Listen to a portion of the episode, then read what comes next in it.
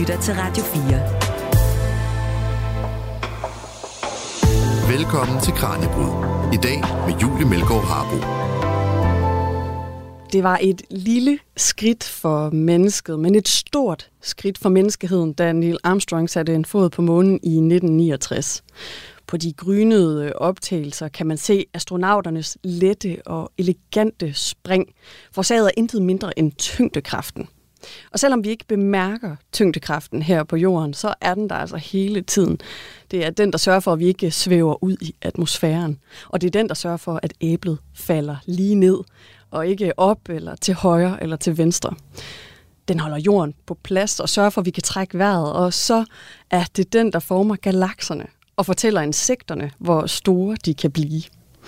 I dagens program der undersøger vi en af universets største gåder, nemlig tyngdekraften.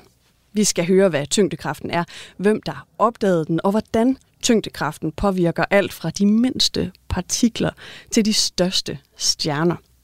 Mit navn er Julie Harbo. Velkommen til Kranjebrud. Du lytter til Radio 4. Og med i dagens program, der har jeg Sofie Marie Koksbang, som er postdoc og forsker i kosmologi på Syddansk Universitet, og som er altså forfatter til en bog i bogserien øh, Tænkepauser om netop tyngdekraft. Tak fordi du har lyst til at se nærmere på, nu har sagt, universets helt store gåde, Sofie. Selv tak. Og lige her til at starte med, så nævnte jeg altså nogle eksempler på, hvad tyngdekraft det blandt andet påvirker. Og måske du kunne ligge ud med at fortælle, hvordan du særligt tænker over, at tyngdekraften påvirker dig i hverdagen? Altså dukker det nogensinde op som sådan en... Ja, nogle gange, øh, jeg cykler på arbejde, og nogle gange så er der modvind. Især når jeg cykler hen over en motorvej. Der er sådan en særlig motorvej, hvor der kan være meget modvind eller sidevind, og det kan også regne, og det kan sne, og det kan blive lidt koldt og træls. Og der tænker jeg, men det er bare tyndekraften. Så, det, så får det mig lige til at smile lidt. Det er tyndekraften, der sørger for vinden, det er tyndekraften, der sørger for, at, at sneen og regnen falder ned. Og så, får det lige, så kan jeg lige smile lidt igen. Og når jeg nu for eksempel er ret vild med det der sus, man kan få i maven, øh, hvis man er i Tivoli, og man prøver nogle rutsjebaner, og man suser op og ned og rundt i cirkler, altså er der også tyngdekraften, der er på spil her? Øh, ja, noget af tiden er der jo nok. Jeg tror, man har nogle frit fald, men resten af tiden, der er det sådan mere i virkeligheden en slags falsk tyngdekraft, som også hedder centripetal eller centrifugal kraft, afhængig af, hvordan man har lyst til at se på det, men som, som trækker os lidt rundt på en måde, som faktisk føles det som tyngdekraften. Og hvis vi skal starte øh, med det essentielle, og så også bare vildt svære spørgsmål, men hvad er tyngdekraften? Okay, så sådan helt grundlæggende, så er tyngdekraften, det er en af de fire naturkræfter, og jeg tænker selv på naturkræfterne som elementarpartiklernes sensor. Okay, og der sagde du allerede flere ting, ja. hvor jeg tænker, altså, jeg tænker, hvad er naturkræfterne, og jeg tænker, hvad er ele- elementærpartikler? Ja. ja. Lad os starte med ja. naturkræfterne. Ja, så når jeg kalder, el- når jeg kalder naturkræfterne for elementarpartiklernes sensor, så er det jo selvfølgelig kun nyttigt, hvis man først ved, hvad elementarpartiklerne er. Så elementarpartiklerne, det er de mindste byggesten, som alt i universet er opbygget af og de kan ikke selv nedbrydes til nogen mindre bestanddele. Det vil sige, at vi kan tænke på det ligesom universets legoklodser. Så vi bygger alt op af de her enkelte grund, grundelementer. Og de her grundelementer, elementarpartiklerne, de kan, de kan snakke med hinanden, eller de kan påvirke hinanden. Og det kan de gøre på fire forskellige måder, nemlig lige præcis ved hjælp af naturkræfterne. Og for en fysiker, så hele den fysiske verden, det, det kan vi egentlig pille, pille fra hinanden ned til elementarpartiklerne, der påvirker hinanden ved hjælp af elementarpartiklerne. Så alt, der sker i verden, det, det kan koges ned til bare elementarpartikler og fire naturkræfter. Så hvis vi ikke havde de her naturkræfter, så ville elementarpartiklerne ikke kunne gøre noget? Nej. Ikke kunne og hvordan, altså, hvordan vil de det se for ud? Eksempel ikke kunne, øh, de vil for eksempel ikke kunne samle sig og danne atomer. Og hvis man ikke har atomer, så har man heller ikke molekyler. Og så har man ingenting. Jo, altså alt vi ser omkring os, øh, der, mennesket er jo i virkeligheden et kæmpe stort makromolekyle. Så, så, øhm, så elementarpartikler, de er fuldstændig afgørende øh, for vores verden, og det, at de kan snakke med hinanden på de her helt øh, meget specifikke fire forskellige måder, er også helt afgørende. Og så der er jo så fire naturkræfter. Så tyndekraften er den ene, og så de andre, det er elektromagnetismen og den stærke og den svage kernekraft. Og de to kernekræfter, den stærke og svage, dem mærker vi ikke som mennesker. De er stadigvæk super vigtige. Alle, øh, alle naturkræfterne er super vigtige. Så øh, den stærke kernekraft for eksempel, det er lige netop den, der sørger for, at, øh, at atomkernerne de kan holde sammen. Så atomerne, det, det er det, der også hedder grundstofferne. Så det er sådan hydrogen, øh, ilt, øh, kulstof. Jeg skal lige finde på nogle, jeg kan nævne på dansk. Øh, men så vi kender det periodiske system, de fleste af os sådan har en eller anden svag fornemmelse af, at det er, det er udgangspunktet for kemien, hvor de begynder at sætte grundstofferne sammen for at danne molekyler. Og, øh, og sådan et atom, det består af elektroner, og elektroner, det er en elementarpartikel. Det vil sige, det er en af dem, der ikke kan nedbrydes til noget mindre. Den er ikke opbygget af noget. Det er et grundelement. Ja. At de svæver så rundt, de her elektroner, uden om en kerne en atomkerne. Men atomkernen, den er opbygget af andre ting og sager. Den er opbygget af noget, der hedder protoner og neutroner, som man engang troede var elementarpartikler. Men i dag, der ved vi, at vi faktisk kan, kan bygge protoner og neutroner af nogle endnu mindre partikler, der hedder kvarker. Og så vidt vi ved, så er kvarkerne elementarpartikler. Øh, og kvarkerne, de holder sammen i protoner og neutroner ved hjælp af den stærke kernekraft. Så hvis det ikke er alt, der er elementærpartikler, Ja, men alt er jo opbygget af elementarpartikler. Ja. Tænk på det som Lego-klodser. Ja. Altså, gør som om du går rundt så i elementærpartiklerne, det er Lego-klodser. Hvad har vi så? Vi har ja. protoner og elektroner, ele- elektroner, der er... Så elektroner, det er et eksempel på en Lego-klods. Det kunne være den gule Lego-klods. Men så har vi også en rød Lego-klods. Øh, og så har vi øh, en, en blå Lego-klods. Det kunne være fotonen, for eksempel. Det er lysets byggesten. Så man, man bruger simpelthen fotoner til at, at lave lys.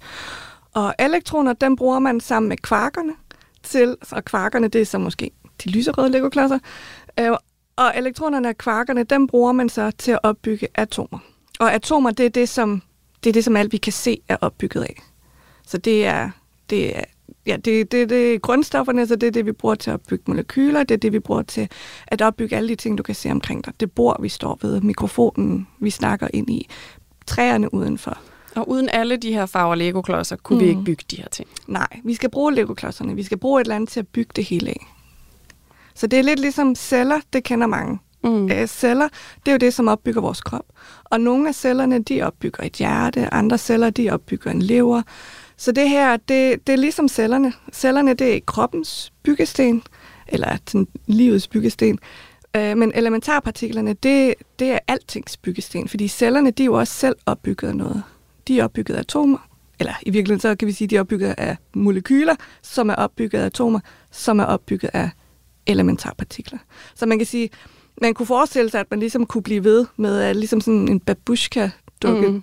og, og se på mindre og mindre ting, og så ligesom pille det mere og mere fra hinanden. Men så vidt vi ved, så stopper det altså ved elementarpartiklerne. De er det mindste, ja. der findes. Og så havde vi de her naturkræfter, dem kom vi helt væk fra igen. Der var, der var fire. Der var kernekraft ja, der var, der var to kernekræfter, en stærk og en svag. Den svage, det i virkeligheden, det er sådan, det er ikke min yndlings, det er jo selvfølgelig tyndekraften, men jeg synes, den er lidt sjov, fordi den, den er, kan lave elementarpartikler om til hinanden.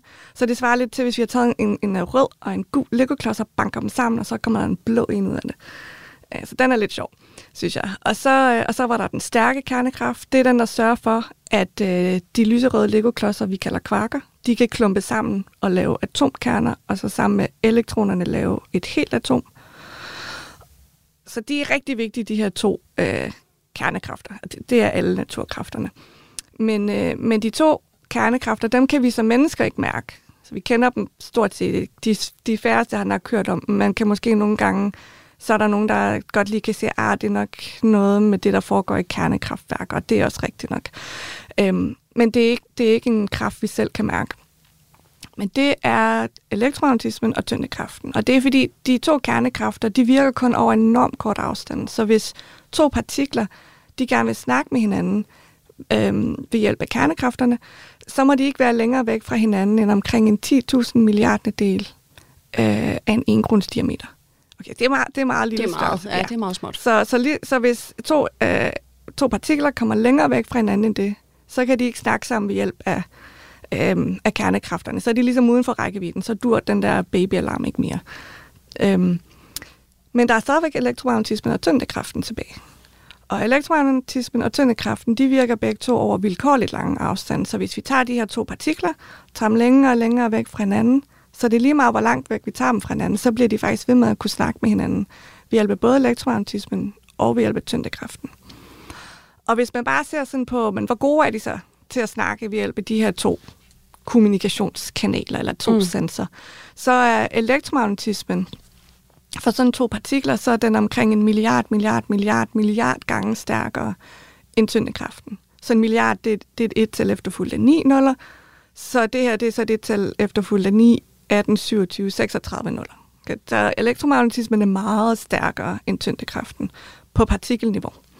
Men den egenskab, som øh, ligesom bestemmer, hvordan en partikel den snakker ved hjælp af elektromagnetismen, hvor god den er til det, det er dens ladning. Og den her ladning, den kan være både positiv og negativ.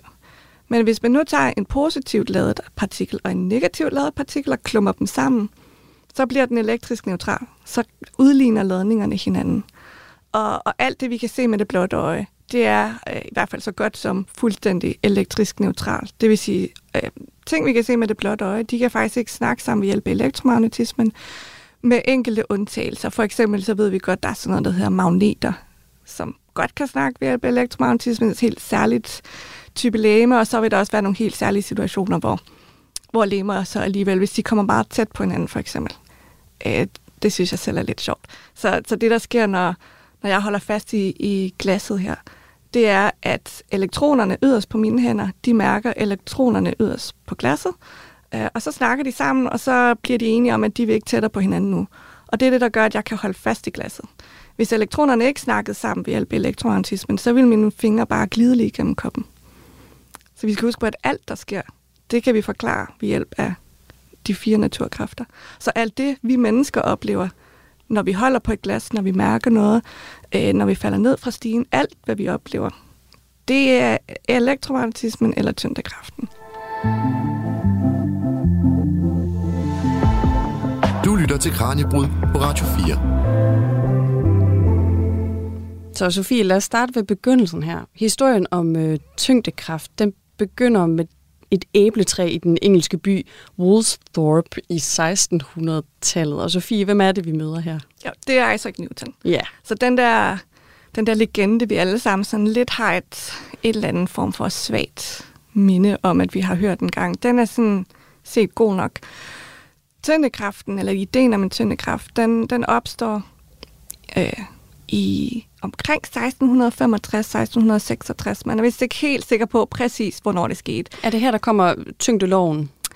Nej, det er det faktisk ikke. Det, Okay. der, det der sker først, det er, at, øh, at vi har sådan en, øh, en øh, engelsk fyr, der hedder Isaac Newton, og han, er, han har egentlig læst lidt øh, på et universitet, der hedder Cambridge Universitet.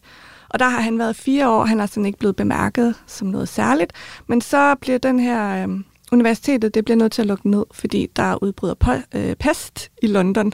Og det er man brang- bange for, vil brede sig ud til, til de omkringliggende universiteter. Så universiteterne lukker ned, alle ansætter, alle studerende, de sendes hjem. Og det gør Newton jo så også. Og så sidder han så der i sit barndomshjem, og så, så siger legenden jo så, at, øh, at han sidder på et tidspunkt udenfor under et æbletræ, og det er så det, vi mener er i 1665 eller 66. Og så får han et, øh, et æble i hovedet, får man nogle gange at vide. Man er faktisk man er rimelig sikker på, måske så han nok bare et æble, eller måske tænkte han bare på æbler. Men der var i hvert fald noget, der der fik ham til at begynde at tænke over, at det egentlig er lidt påfaldende, at æbler altid opfører sig på præcis den samme måde. Altså, de falder, falder altid ned fra æbletræet, de falder aldrig op eller til siden, som du også sagde i starten. De falder altid lige ned. Og der begyndte han så at tænke over, at det var da egentlig lidt underligt. Hvorfor opfører de altid Hvorfor opfører de sig altid på præcis den samme måde? Så der må være noget, der sørger for, at det er det, der sker, at æblet falder ned og ikke op. Og det her et eller andet, det er jo så tyngdekraften. Og der får han så her ideen til, at der må være en, en kraft, der sørger for det. Øh, og så lægger han så til synlædende den idé lidt til side igen.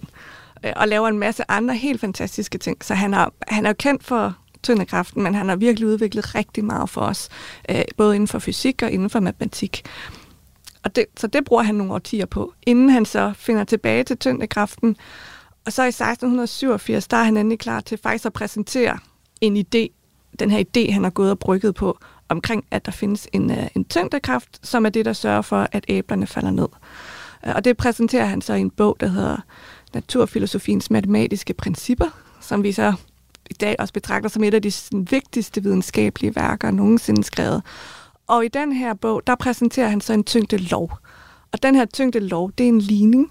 Så det er, det er sådan en ligning, hvor der, som, og i ligninger, det er sådan, øhm, ja, det er egentlig bare en, øh, en opskrift på, hvordan du udregner tyngdekraften mellem to lemer, for eksempel et æble og en jordklode. Og det, der står i den her ligning, eller i den her opskrift, det er, hvis du vil regne ud, hvor stor en tyngdekraft der er mellem et æble og en jordklode, eller to andre lemer, så skal du gange deres masser med hinanden, og et æble, det var omkring 100 gram, og en jordklode, vores jordklode, var omkring 6.000 milliarder milliarder tons. Så skal vi gange det sammen, og så skal vi dividere med, hvor langt væk, eller hvor langt er der fra centrum af æblet ned til centrum af jorden. Hvis man godt det her i 1600? Nej, altså det, det er Newton, der finder på det her. Okay. Der ligesom har gået og brygget på det, og så efter nogle årtier, så, så finder han på, at det er sådan, han mener, det er. Men og, også, også, hvor langt der er ind til jordens øh, centrum. Og, og det ved jeg faktisk ikke, om jeg Nej, okay. Fordi det... jeg tænker, det er vel... Hvis Nå, det er en del af regnestykket ja, her. Det ved jeg sgu ikke.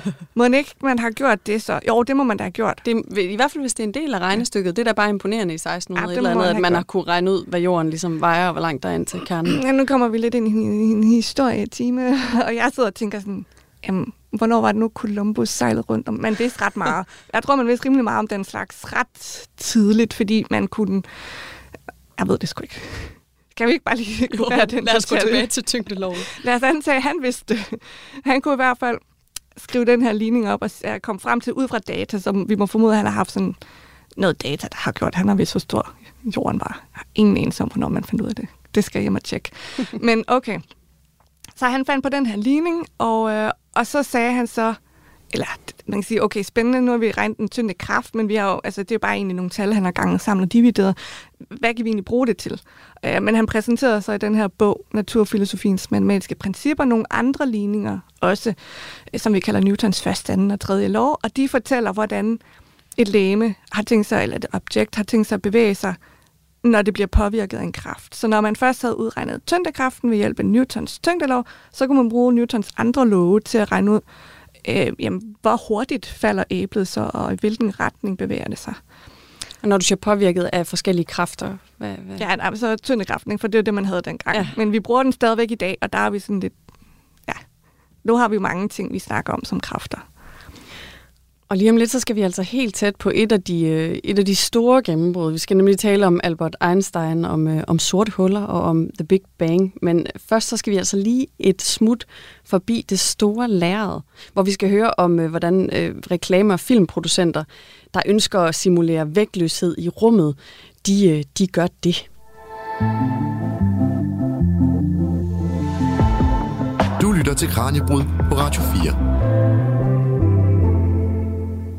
De fleste af os kender kun til et øh, liv med tyngdekraft, som det udfolder sig her på jorden. Men enkelte, for eksempel en vis Andreas Mogensen, har prøvet at tumle rundt i vægtløs tilstand, hvor hans krop kun minimalt påvirkes af jordens eller andre store himmellamers tyngdekraft. Så øh, film, både fiktion og rigtige optagelser fra for eksempel den internationale rumstation, kan være noget af det tætteste, vi almindelige ikke astronauter kommer på en følelse af, hvordan det er at være vægtløs. Jonas Dren er Visual Effects Supervisor og medejer af selskabet Bacon X, og han har skulle lave flere filmprojekter med alternativ tyngdekraft i forhold til jorden. Han har blandt andet været med til at lave en reklamefilm for en supermarkedskæde, hvor handlingen altså foregik i rummet. Det var nogle astronauter, der var løbet tør for proviant op på en rumstation. Og så fik det, det Houston det geniale idé, at de skulle sende nogle, øh, et supermarked op til dem. Så de sendte den, et flyvende supermarked op i rummet. Og der skulle vi så prøve at, ligesom, det skal jo ligne de der astronauter, man kan jo ikke filme det på rumstationen, så man, det skal jo ligesom ligne, at de bare flyver rundt deroppe vægtløst. Så man optager det i et studie, som, hvor man laver et, en, en scenografi, hvor man som ligner rumstationen, og så hænger man i virkeligheden folk i wires op for loftet, hvor man så kan, så de ligesom kan svæve rundt i, det, i den her scenografi. Det ser rimelig rigtigt ud. Det selvfølgelig er der nogle begrænsninger, der normalt, når man ser video op fra den internationale rumstation, så kan man se andre ting, der svæver rundt i luftet, øh, rundt omkring dem og sådan noget. Det bliver man så nødt til at skabe bag, bagefter i en computer. Men, men selve skuespilleren kan man komme ret langt med at hænge dem i wires, og så kan man for eksempel nogle gange lige tage fat i foden på dem og styre lidt, hvordan de ligesom bevæger sig rundt, så man ligesom prøver at illudere vægtløshed, uden at de er vægtløse. Når du siger tage fat i foden på dem, er der så også en wire i deres fod? Altså, eller og hvor mange wires har de på? Nej, men i virkeligheden hænger de bare fra, øh, i virkeligheden hænger de bare fra øh, i hofterne med sådan en, en stunt wire, er det i virkeligheden, hvor de som, som i virkeligheden tager al deres vægt, ikke? så de, de, de kan ligesom rotere rundt, øh, men de kan kun rotere på en akse, og så kan man ligesom skubbe lidt til dem, eller tage en pind og lige, eller en snor og hive lidt i dem, og så kan de ligesom også rotere på nogle andre akser. Hvordan gør I så i computeren, når I så skal have andre ting til at flyve omkring dem? Jamen det er så, altså i det her tilfælde var det nogle øh, dagligvarer og sådan noget. Øh, det kan man så lave ved, at øh, man animerer det i hånden, så man ligesom bare animerer det, så det føles vægtløshed. Så det er sådan en animator, der ligesom skal være god til det. Alternativt kan man også simulere det, så hvis for eksempel havde vi noget væske, der skulle svæve rundt omkring dem, fordi de ligesom spiser noget væske med, og så, så kommer det ligesom ud af sådan en tube, og det svæver sig rundt omkring dem. Og der er det relativt nemt i en computer egentlig bare at sige, at den har bare den her tyngde. Så på den måde altså, taster du bare ind, og så kan du sige zero gravity, og så kører den ligesom rundt af sig selv. Det bliver simuleret. Men det kan man så ikke med menneskerne? Det kan man ikke med menneskerne. Det, så skal man ligesom, så skulle man jo optage dem i zero gravity. Og det er der også nogen, der har gjort. Øh, men det er en lille smule besværligt. Det er ikke hver eneste dag, I skal lave noget, der minder om vægtløshed, men, men det skal I snart igen? Det er rigtigt, ja. ja jeg, skal, altså jeg skal på nogle optagelser her næste par dage, hvor nogle personer de ligesom bliver lettere fra jorden og svæver op rundt over, over en by. Det er faktisk samme teknik med, at vi det her tilfælde er det bare ikke på et studie, der har vi faktisk nogle kraner ude på nogle gader, sådan, så vi kan hive dem op i wires, så de lige, de pludselig kan forlade jorden og løfte sig op over byen. Så det er et rimelig stort setup. Og så øh, blander vi det med også at gå i et studie, hvor vi har noget blue screen i baggrunden. Så kan vi lægge dem ind øh, op i skyerne i princippet. Og udover wires, så bruger vi faktisk også på den her produktion, bruger vi noget, der, noget man kalder en fork. Så man har ligesom de der wires, hvor folk kan ligesom der tager deres væk, så de bare svæver rundt.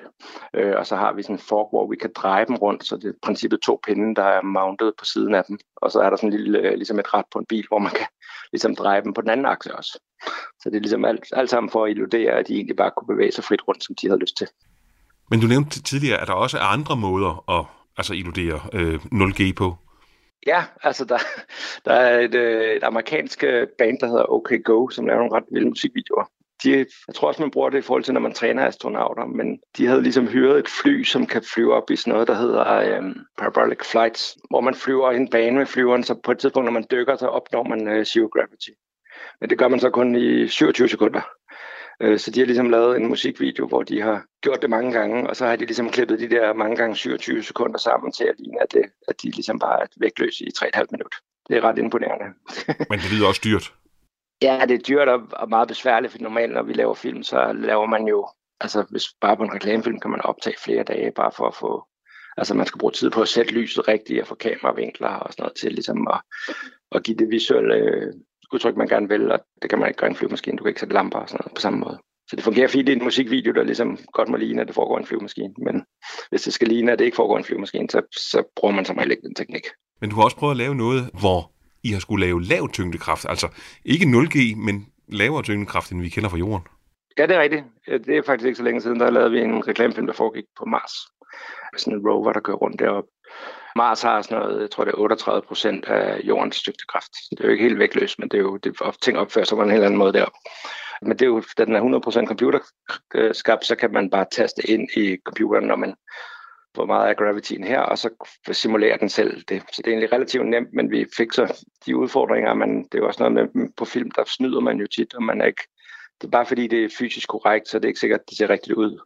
Så der kæmpede vi lidt med, at vi prøvede at taste alle dataene ind fra Mars, og så da vi så begyndte at kigge på filmen, så der var på et tidspunkt, hvor den her rover skulle øh, ryste noget støv af sig, fordi den ligesom havde været den havde været inde i sådan en storm af, af sand, og så ligesom vågte den op for det, og så skulle den ryste noget støv af sig.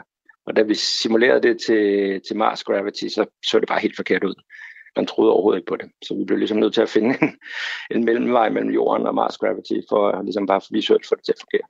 Der var de på en eller anden måde vride naturen en lille bitte smule i jeres retning, for ellers så ja. vi, vi jordboere ikke tro på det. Nej, det er det. Det kommer også an på, hvad man er vant til at se. Ikke? Man kan sige, at vi er vant til at se astronauter og sådan noget vægtløshed, men man er ikke vant til at se støv og altså sådan nogle sandstorme og sådan noget. Så, så så hvis ting bare virker forkert på film, så nogle gange bliver man nødt til at snyde.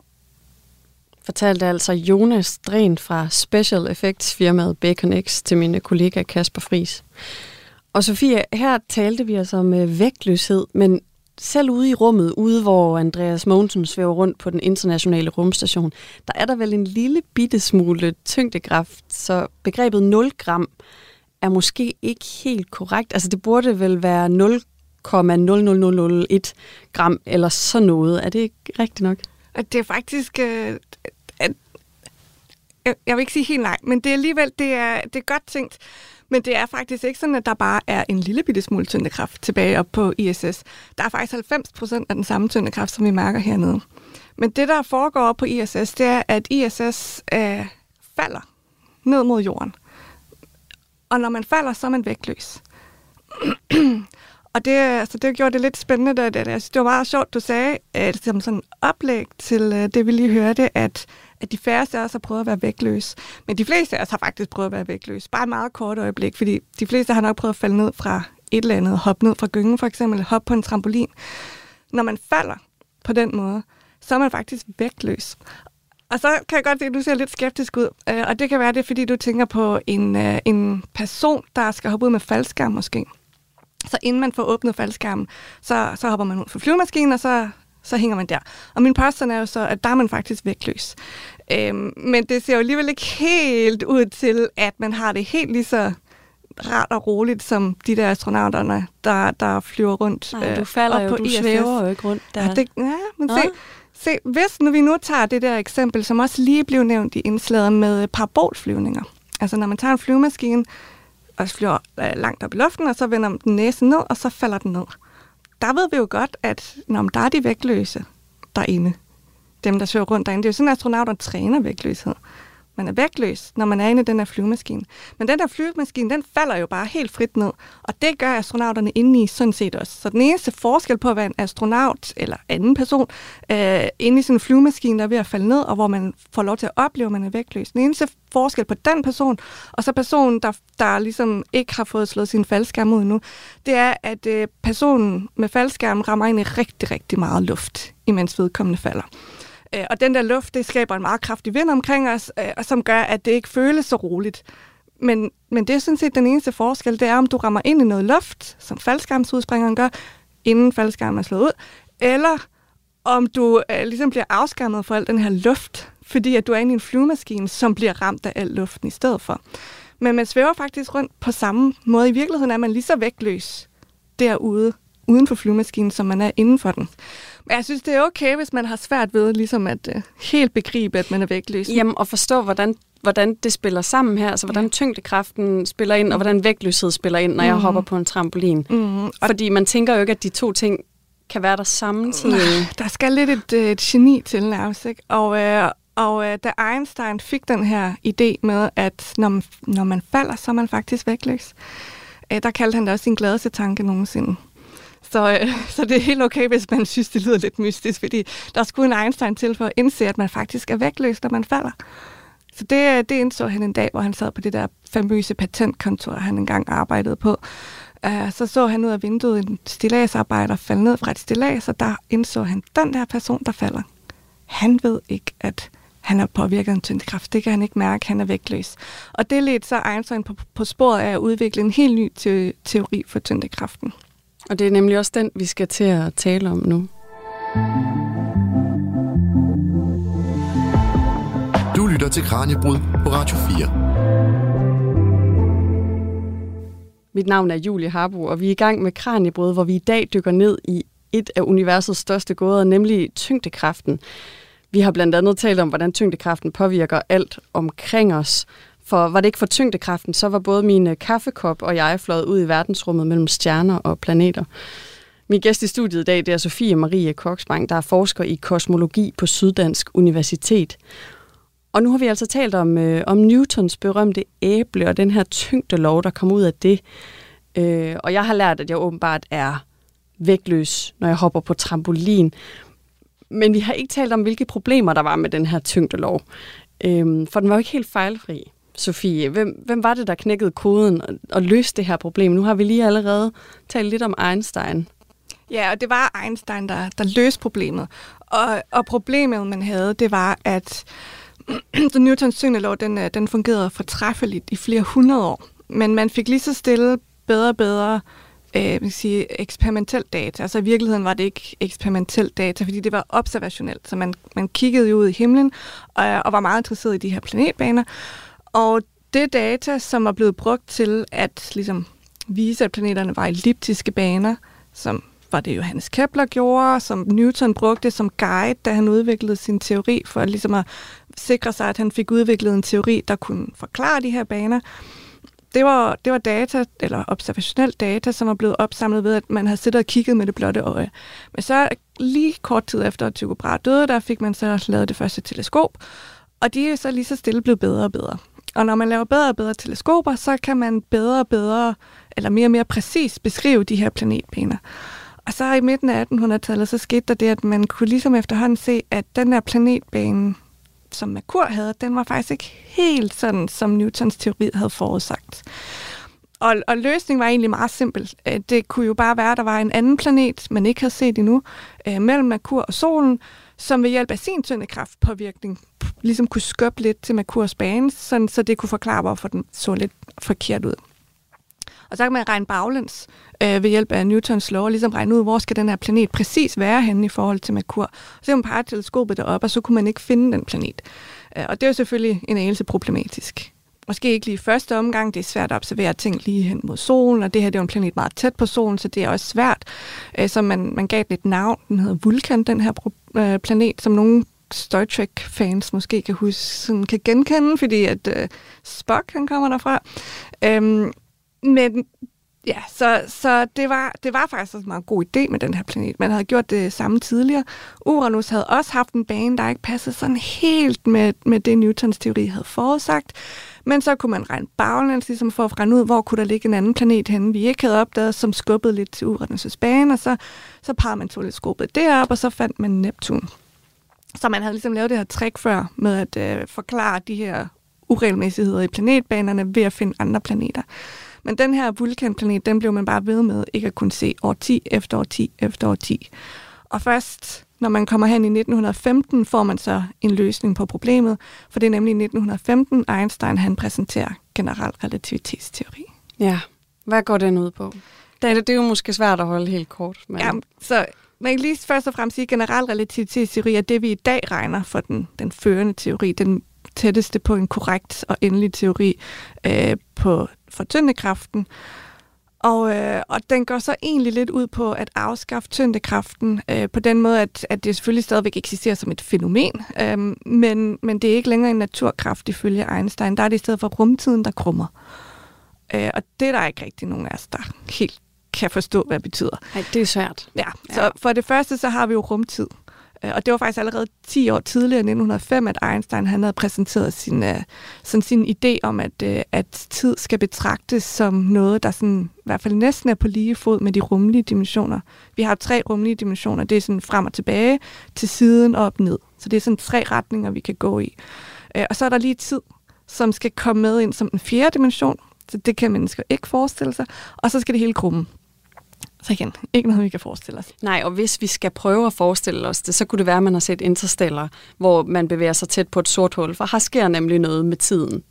Ja, det er rigtigt. Det er rigtigt, fordi at der er så for, så kan man tænke på, hvad, hvad det sige, at, øh, at rummet krummer. Det, det kan man godt lidt forestille sig ved at tænke på måske noget, der kun har to dimensioner. Så det kunne være et, et stræklæn. Vi holder udspændt mellem os det har to dimensioner, sådan overfladen, ikke? så det, det er frem og tilbage og til siden, men der er ikke nogen op-ned dimension. Øhm, så kaster vi en petankugle på stræklanet, så kommer der en fordybning, og sådan en fordybning, det er sådan, vi, det er sådan, vi kan tænke på rumtidskrumninger. Men nu har vi det ikke så godt med at tænke på tid som en dimension. Det kan vores menneskehjerne ikke rigtig kapere. Så der vil vi gerne vide, hvad betyder en krumning i tiden virkelig? Mm. Og, og det bliver illustreret rigtig fint i Interstellar. Fordi at det, at tiden krummer, skal vi forstå som, at det betyder, at, øh, at tiden går i forskellige tempo, forskellige steder. Så jo tættere man kommer på, øh, eller man kan sige, jo større tyngdefelt man er i, jo tættere man er på noget, der er, sådan, er meget tungt, øh, jo langsommere går tiden i forhold til ting, der sker langt væk. Og det er derfor, det sorte hul er så godt et eksempel, fordi det sorte hul er... Det er sådan det mest ekstreme. Mest ekstreme, eksempel. hvis vi skal tænke på tung, ja. tung masse. Ja, så det vi ser det her interstellar film, som en fantastisk film. Der ser man på et tidspunkt øh, tre astronauter, der, der skal sådan rimelig tæt på et sort hul. Og den ene astronaut, han bliver på rumskibet tilbage, øh, og er sådan lidt væk fra det sorte hul, imens de to andre, de flyver ned på en planet, der så er endnu tættere på det sorte hul. Øh, og så flyver de tre astronauter så tilbage igen forholdsvis hurtigt. Set fra deres synspunkt, så er de kun noget væk i tre år. Men, øh, men ham, astronauten, der har været lidt længere væk fra det sorte hul, hans tid er gået lidt hurtigere.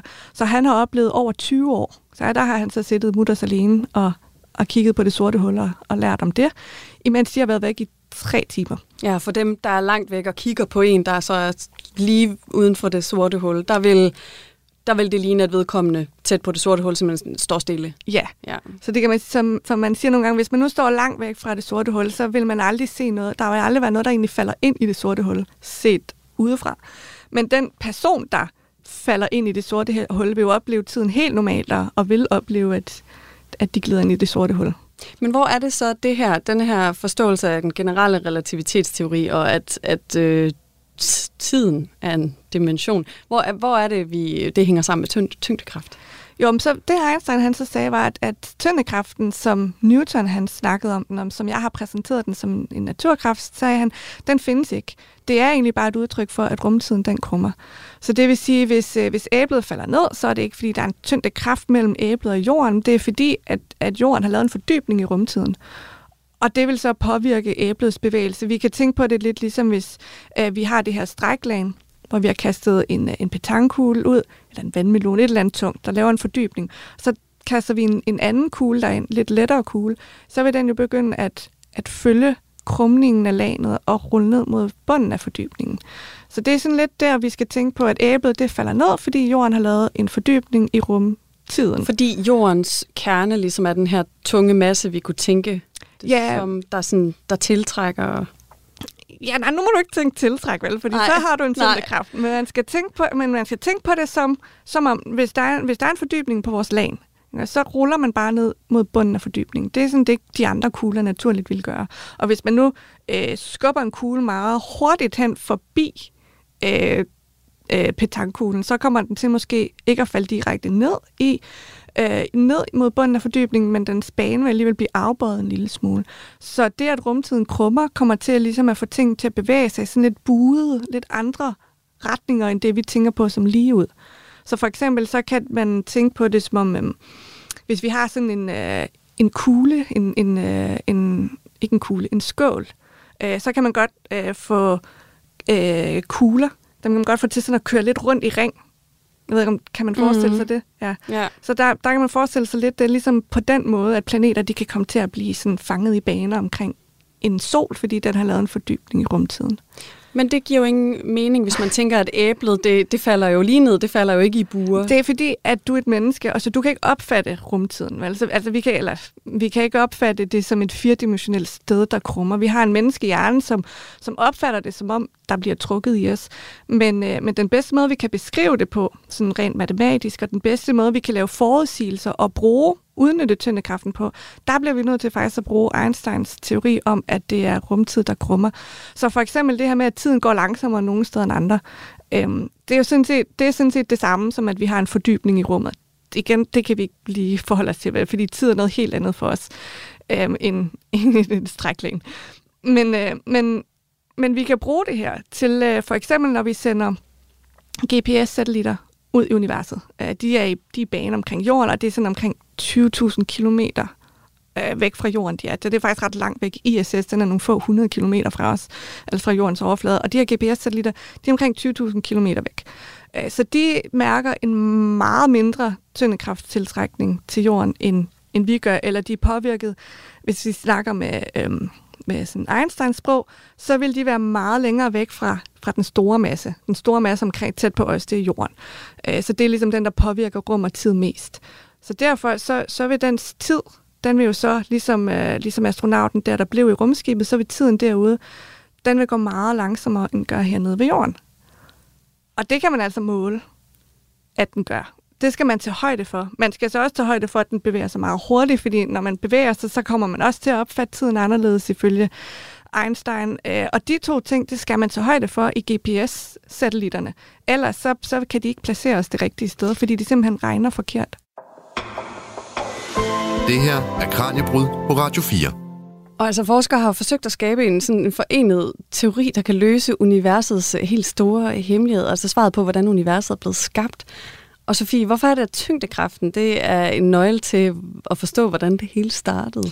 Jamen altså, tyngdekraften er nøglen til at forstå alt, hvad der foregår, øh, når vi kigger ud i universet. Så med generel relativitetsteori kan vi faktisk forstå næsten hele universets udviklingshistorie. Selvfølgelig generel relativitetsteori er universet små 14 milliarder år gammelt, øhm, og det udvider sig. Så når vi går bagud i tid, så, så bliver det altså mindre og mindre. Det vil sige, at alt det, der er i universet, bliver presset mere og mere sammen. Så det bliver, når vi går tilbage i tiden, bliver det varmere og varmere i universet, det bliver mere og mere tæt pakket. Og, og hvis vi så bare lige gør, som om vi tror på generel relativitetsteori, og at universet altså er de her små 14 milliarder år gammel, når vi så er sådan om en lille bitte brøkdel fra at være i tidspunkt 0, så den første lille bitte brøkdel af universets historie, øh, der er tætheden af stof og, og, og temperaturerne, de er blevet så store, at vi kan se, øh, at der tror vi faktisk ikke på generel relativitetsteori mere. Vi ved nemlig, at, at, øh, at når man er på meget, meget små skalaer, der, der er der sådan et sæt regler i fysik, som hedder kvantemekanik. Og det er sådan nogle rammer, som al fysik skal overholde. Øh, og vi bruger kvantemekanik til, til øh, jeg tror efterhånden bruger vi det næsten til hverdag. Vi har i hvert fald alle sammen hørt om kvantecomputer og glæder os meget til, at de kommer. De skulle være super hurtige. Øhm, så, så kvantemekanik er noget, vi sådan, det er vi ret sikre på, det er rigtigt. At det er nogle regler, som alt skal overholde. Øh, alle fysikkens love, også rumtidens krumninger, men generel relativitetsteori og kvantemekanik, de stemmer ikke overens med hinanden. Når man prøver sådan at presse generel relativitetsteori ned i de rammer, som kvantemekanikken stiller op, så får man bare nogle ligninger, der siger uendelig. Øh, og det må de ikke gøre. Øh, ligninger i fysik, det er, så, det er sådan en maskine, man skal stille spørgsmål, så giver den dig et svar. Så det kan for eksempel være, at man spørger en af Keplers love om, hvor lang tid tager det for jorden at komme en gang rundt om solen, så skal den sige et år. Hvis en ligning pludselig siger uendelig, så er det ligningsmåde at sige på, at, øh, at den her teori er nu brudt sammen. Find en anden ligning. Spørg en anden, jeg ved det ikke.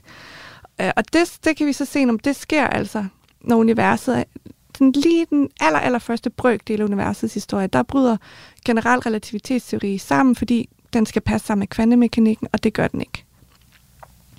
Og hvad gør man så her, altså når man ja. har to teorier, som, øh, som man er ja. overbevist om af alle mulige grunde, altså er, er rigtige nok, og de så ikke stemmer overens? Så sidder man i indtil videre over 100 år og prøver på at løse det problem og prøve på at finde en måde at få dem til alligevel at passe sammen på. Så Einstein, han præsenterede jo generel relativitetsteori i 1915, øhm, og artiklen, eller man kan sige, han præsenterede det ved at holde nogle foredrag, så havde han også skrevet en artikel, den blev så først publiceret i, i 1916, og det samme år, der, der erklærede han selv, men hov, generel relativitetsteori kan ikke være den endelige teori for tyndekraften, fordi det passer ikke med kvantemekanik. Så man vidste allerede i 1916, at der var noget galt. Øhm, så man har haft lidt længe til at gå og sådan spekulere lidt over, hvad skal vi så gøre? Øh, og i starten, det i 1916, var det vist ikke sådan et kæmpestort forskningsområde, men, men i dag er det et meget stort aktivt forskningsområde. Så vi har en masse fysikere og matematikere, der sidder og prøver på at, øh, at finde en måde, på en eller anden måde, at forklare tyndekraften og kvantemekanikken på samtidig. Og der er mange forskellige retninger, det her forskning går i. Der er noget for eksempel, der hedder øh, sløjfekvantetyndekraft, så vi har givet det et navn. Det er ligesom for, at vi kan identificere, det er sådan den samme tankegang, vi prøver at bruge her på at prøve at udvikle en teori, der endnu ikke eksisterer. Så der i sløjfekvantetyndekraft, der der, der vil man gerne opbygge rumtiden ud fra nogle rumtidsbyggesten, og så prøve, ligesom på samme måde som alt i universet er opbygget af de her elementarpartikler, altså nogle grundlæggende byggesten, så tænker man, hvad nu hvis selve rumtiden også så har nogle grundlæggende byggesten? Kan vi prøve at få det bygget op på en måde, at vi så kan få noget kvantemekanik og tyndekraft til lige pludselig at spille sammen? Men nogle andre byggesten, måske end de her elementærpartikler, ja, det er så, vi kender. Ja, så nu er det jo så nogle, nogle nye rumtidsbyggesten. Okay, så det, det, det er for eksempel en retning. En anden retning, og nok den retning, de mange måske alligevel har hørt lidt om, det er strengteori. Så strengteori, det var en teori, der egentlig dukkede op lige på overgangen mellem 1960'erne og 1970'erne. Der var tre fyre, der sad forskellige steder i verden, og sådan uafhængigt af hinanden. De vidste ikke, hvad de andre lavede, men de sad så alle tre og fik den her idé, som vi kalder strengteori. Og, og en af fyrene, det var, det var Holger Bæk Nielsen fra, fra Københavns Universitet. Øh, og ideen, øh, de fik, det var, hvad nu hvis partikler ikke er punkter, men at de er strenge? Så i, i almindelig fysik, fysik der ikke er strengteori, der tænker vi på elementarpartiklerne som, øh, som punkter, det vil sige bitte små kugler. Men øh, så Holger Bæk Nielsen og de andre, de sad så og tænkte, hvad nu hvis de i stedet for er strenge? Hvad nu hvis de ligesom en sytråd, for eksempel? Øh, kunne vi så få noget sjov ud af det? Øh, og der kan vi jo godt med det samme alle sammen blive enige om, at øh, vi, når vi kigger rundt i verden, så fremler det ikke med, med sytråd. Altså det er jo ikke sådan, at, at alt i verden er opbygget af sytråd, så vidt som vi kan se. Så det vil sige, at de her øh, strenge, de må være meget, meget små. Så, så det de her forskere, de skulle, de her fysikere, de skulle tage i virkeligheden teorien for en, øh, en guitarstreng. Og endda en vibrerende guitarstreng, fordi ligesom guitarstrengene, de vibrerer, så giver de forskellige toner, afhængig af, hvordan de vibrerer. Så er det sådan, at strengteoriens strengene, de vibrerer på forskellige måder, så giver de forskellige elementarpartikler. Men, øh, men vi er så enige om, at strengeteoriens strenge, det må nu ikke være lige så store som guitarstrenge, så havde vi nok set dem. Så de må være mindre. Faktisk så små, at kvantemekanikken den også bliver vigtig. Så vi skal tage sådan, teorien for almindelig guitarstreng, der vibrerer, og så skal vi forene det med kvantemekanikken, og så får man strengteori. Øh, og noget af det, sådan, øh, ja, i hvert fald mest i øjenfaldende for mange, da det her blev gjort, det var, at, at øh, tyngdekraften blev ved med at dukke op i de ligninger, man fik ud af, at forene vibrerende strenge, som egentlig ikke har noget at gøre med tyngdekraften, forene det med kvantemekanikken, som heller ikke har noget at gøre med tyngdekraften. Og så lige pludselig, så dukkede tyngdekraften bare op i ligningerne. Og det var rigtig træls, for det var overhovedet ikke det, de var interesseret i.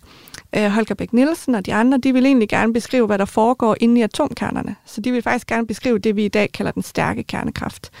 Øh, så de vidste godt, at okay, på de her meget bitte små skalaer, der er tyndekraften ligegyldig, fordi når vi ser på partikelniveau, der er det jo der, at, øh, at tyndekraften er en milliard, milliard, milliard, milliard gange sværere end de andre øh, naturkræfter. Så den er faktisk fuldstændig ligegyldig. Det er faktisk sådan, det er lidt et problem, så ligegyldig den er. Øhm, CERN, mange, mange har hørt om CERN, det er sådan en fælles øh, europæisk forskningslaboratorium for fysik, og der har de den her partikelaccelerator, hvor de tager partikler, sådan kører rundt i den her accelerator hurtigere og hurtigere og hurtigere, så de banker ind i hinanden, og så ser man, hvad der kommer ud af det. Men man laver altså også andre eksperimenter på CERN, som ikke lige involverer de her partikelacceleratorer. Og et eksperiment, man har haft kørende i nogle år, det er, at man gerne vil finde ud af, hvordan antipartikler de falder op. Øh, og antipartikler, det er, sådan, øh, det er en form for partnerpartikler til vores elementarpartikler. For eksempel, hvis man har en elektron, så ved man, om der findes faktisk en slags partnerpartikel, vi kalder dens antipartikel. Og den får så navnet antielektronen. Øh, man kalder den også positron, men lad os bare kalde den antielektronen. Og man ved, at den har nogle forskellige egenskaber. For eksempel, den har øh, samme ladning som elektronen, men med omvendt fortegn. Så elektronen har negativ ladning, men, men øh, antielektronen har positiv ladning. Øh, Øh, og så har, den, øh, så har den samme masse. Men når man sådan skal beskrive den, de her antipartikler sådan på matematiksprog, så en af de måder, man sådan forstår matematikken på, eller kan forstå matematikken på, det er, at øh, det egentlig er sådan, at en antipartikel kan forstås som en, eller undskyld, en antielektron kan forstås som en elektron, der bevæger sig bagud i tid. Øh, og det har så gjort, at så, så står man lidt og tænker, Nå, mm, så kunne det jo være spændende, selvom den egentlig har positiv masse, så er det jo ikke sikkert, at den falder ned. Det kunne være, at den faldt op. Okay, så man vil gerne vide, om antipartikler falder ned eller op. Altså, kunne man lave et antiæble, og så er det faldt op? Det kunne være lidt spændende. Men, øh, men fordi man øh, ikke rigtig kan få de her øh, de her antipartikler, de findes ikke sådan rigtig frit i naturen. De, de bliver i hvert fald, de forsvinder igen meget hurtigt, fordi lige så snart en antielektron rammer sammen med sin elektronpartner, så forsvinder de, så bliver de bare til lys. Og det samme gælder for alle antipartikler. Hvis de rammer sammen med deres sådan partnerpartikel, så bliver det bare lavet om til lys. Så, så man skal være nede på et meget avanceret fysiklaboratorium, så kan man producere nogle enkelte af de her antipartikler, og så kan man så undersøge, falder de op eller falder de ned. Og det er altså, så det, det er bare noget, jeg siger for at sige, det, det har man brugt flere år på, og man stadigvæk sådan er helt færdig med sådan at finde ud af, hvad man egentlig tror, resultatet er, fordi det er enormt svært at måle på, hvordan en enkelt partikel falder, fordi tyngdekraften er så svag. Og vi er nede på enkelte, sådan, enkelte partikler, så derfor så har vi både elektromagnetismen og den stærke og den svage kernekraft, som alle sammen er mange, mange, mange, mange gange stærkere end tyngdekraften. Så hvis vi går tilbage til Holger Bæk Nielsen og de andre, der står der med deres str- nye strengteori, hvor der er noget tyndekraft, der bliver ved med at dukke op, men de gerne vil beskrive med deres teori, der vil de egentlig gerne bare beskrive, hvad der foregår inde i en atomkern. Der ved de godt med det samme, at tyndekraft må altså ikke dukke op. Den skal ikke være her. Den har ikke noget at gøre med det, der foregår inde i en enkelt atomkern. Men fordi tyndekraften er så svag, den må ikke være der. Så tynde, eller, øh, strengteori var egentlig så i første omgang lidt en fiasko på den måde. Man droppede den, for man kunne jo ikke bruge den til at beskrive det, man gerne ville. Det vi i dag kalder en stærk kernekraft, men som man ikke kendte dengang. Men der var så nogle andre, der alligevel syntes, det nu var meget interessant at se på deres strengteori, fordi at når nu tyndekraften blev ved med at dukke op i ligningerne, så kunne det jo være, at det var fordi, at strengteori indeholdt en teori for kvantetyndekraft. Og derfor så er strengteori stadigvæk i live i dag. Man undersøger stadigvæk teorien og prøver at finde ud af, hvad fortæller den os egentlig? Fordi vi skal huske på, at det er ikke, man er meget langt fra stadigvæk ligesom at have den her teori færdigudviklet, ikke? fordi vi står og skal gætte nogle regler. Det bliver simpelthen alt, vi når i dagens program, Sofie. Mange tak, fordi du har lyst til at tale med mig. Tak, fordi jeg måtte. Sofie Marie Koksbank, der er postdoc ved forsker i øh, kosmologi på Syddansk Universitet. Programmet, du har lyttet til, er produceret af Videnslyd for Radio 4. Mit navn er Julie Harbo. Tak, fordi du lyttede med. Han nægter, at der har været tale om sådan en bevidst manipulationsstrategi fra hans side. Ikke? Charles Manson. Og det er jeg overbevist om, der har været. Kultlederen, der endte som centrum for en række bestialske drab. At det lige går ud over de mennesker, det går ud over, det er et tilfælde. Lyt med, når Christoffer Lind forsøger at forstå mennesket bag monstret i Krimiland. Manson er helt sikkert sociopat. Højst sandsynligt psykopat. Find det i Radio 4's app, eller der, hvor du lytter til podcast. Radio 4. Der er måske mere bag. Ikke så forudsigeligt.